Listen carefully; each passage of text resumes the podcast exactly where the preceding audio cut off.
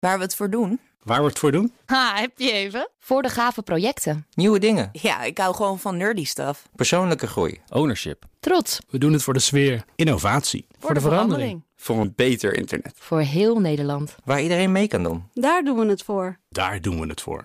Waar doe jij het voor? Kom werken voor KPN en groei op jouw manier. Check de actuele vacatures op het gebied van data, security, development en networking op jobs.kpn.com/tech. Wetenschap vandaag. En daarvoor zijn geschoven Carlijn Meinders. Carlijn, goedemiddag. Hoi Roos. We gaan het hebben over uh, waarom een vis ervoor kiest om in een school te zwemmen en niet in zijn eentje. Ja. Lange tijd wordt gedacht dat energiebesparing een grote rol speelt. Ik dacht altijd één gezelliger, twee veiliger. Maar er is nu in een experiment aangetoond dat die energiebesparing ook echt uh, de ja. reden is. Hè? Uh, dit is inderdaad niet voor het eerst dat hier naar gekeken wordt. Uh, maar omdat het heel moeilijk is om zoiets in het wild te bestuderen, werd dit tot nu toe vooral met computermodellen en simulaties gedaan. Zo probeerden ze dan te kijken of dat inderdaad waar is dat die vissen dus energie besparen door met elkaar te zwemmen. Maar echt begrijpen hoe die dynamiek in dat water werkt en hoeveel energie dan uh, bespaard wordt, dat lukte nooit helemaal. Ian Cousin van de Universiteit van Constance in Duitsland en zijn collega's hebben dat anders aangepakt. What we decided to do is to develop biomimetic robots. So robots that swim just like real fish, the same size or similar size to the real fish. And so we can then put uh, groups of robots together. And the nice thing about robots is they'll do what we tell them to do. We can program them to swim just like fish and to have different swimming uh, behaviors. You know, they can beat their tails at different rates and at different times with respect to each other. Zo hebben ze tienduizenden verschillende experimenten gedaan. Tienduizend ongeveer, moet ik zeggen. en niet tienduizenden, dan worden er wel eens een stuk meer. Uh, en ze konden op die manier, omdat het robotvissen waren, ook heel precies meten hoeveel energie er nou per situatie, per vis werd gebruikt. Dan vind ik 10.000 op zich ook al heel dat veel. Dat is al hoor. genoeg, ja, toch? Ja, ja, meer ja, genoeg maken. Wat kwam er uit al die experimenten? Ja. Ze konden een paar dingen bevestigen, ook ontkrachten. Zo was lange tijd de gedachte dat plekken in die school voordeel konden halen uit de waterstroming die dan werd gecreëerd eigenlijk door de vissen voor ze. Maar wat ze hier zagen was dat er een soort formule was waar de vissen zich aan houden. Die werkte op alle plekken in de school, waardoor ze dus die energie kunnen besparen. En waar houden ze zich dan aan? Ja, ze noemen dat in dit onderzoek vortex phase matching. Uh, het aanpassen van de staartslag eigenlijk aan elkaar.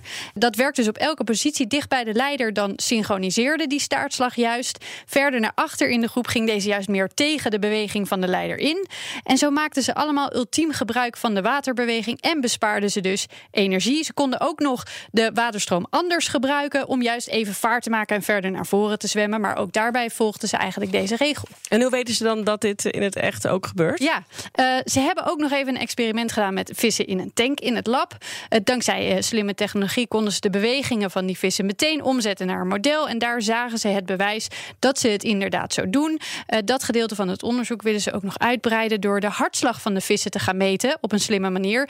En zo kunnen ze dan weer dat energieverbruik meenemen. Maar hoe weet een vis nou wanneer hij dat moet doen? Ja, dat klinkt heel ingewikkeld. Maar bij de echte vissen die ze hebben gebruikt, hebben ze ook nog getest in het donker. En dat klinkt een beetje vervelend, maar ze hebben de haartjes verwijderd waarmee ze de waterflow voelen. Van die vissen. Gewoon ja, geëpileerd. Die geëpileerd, die groeien vanzelf weer terug binnen een paar dagen overigens.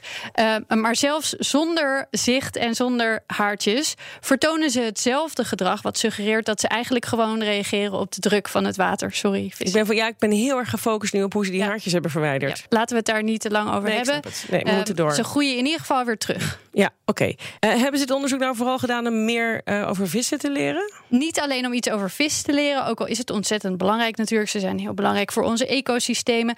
Maar er zit nog een gedachte achter. It can also inform us about biologically inspired robots. So how we can create swarms of robots that can efficiently move through the aquatic environment.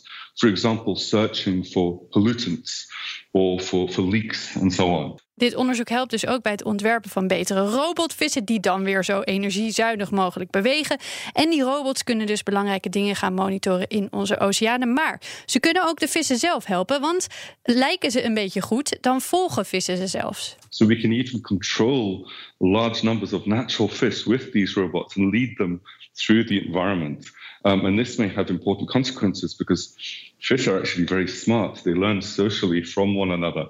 And so, using these types of robots, we may be able to help better educate fish Ja, dan moeten de robotvissenleiders dan niet in handen komen van vissersboten. Want dan sturen ze ze allemaal de netten in. Dat is dan weer niet de bedoeling. Maar verder kunnen ze straks dus op allerlei manieren positief gaan bijdragen. En ook nog eens super energiezuinig. Colleen, dankjewel.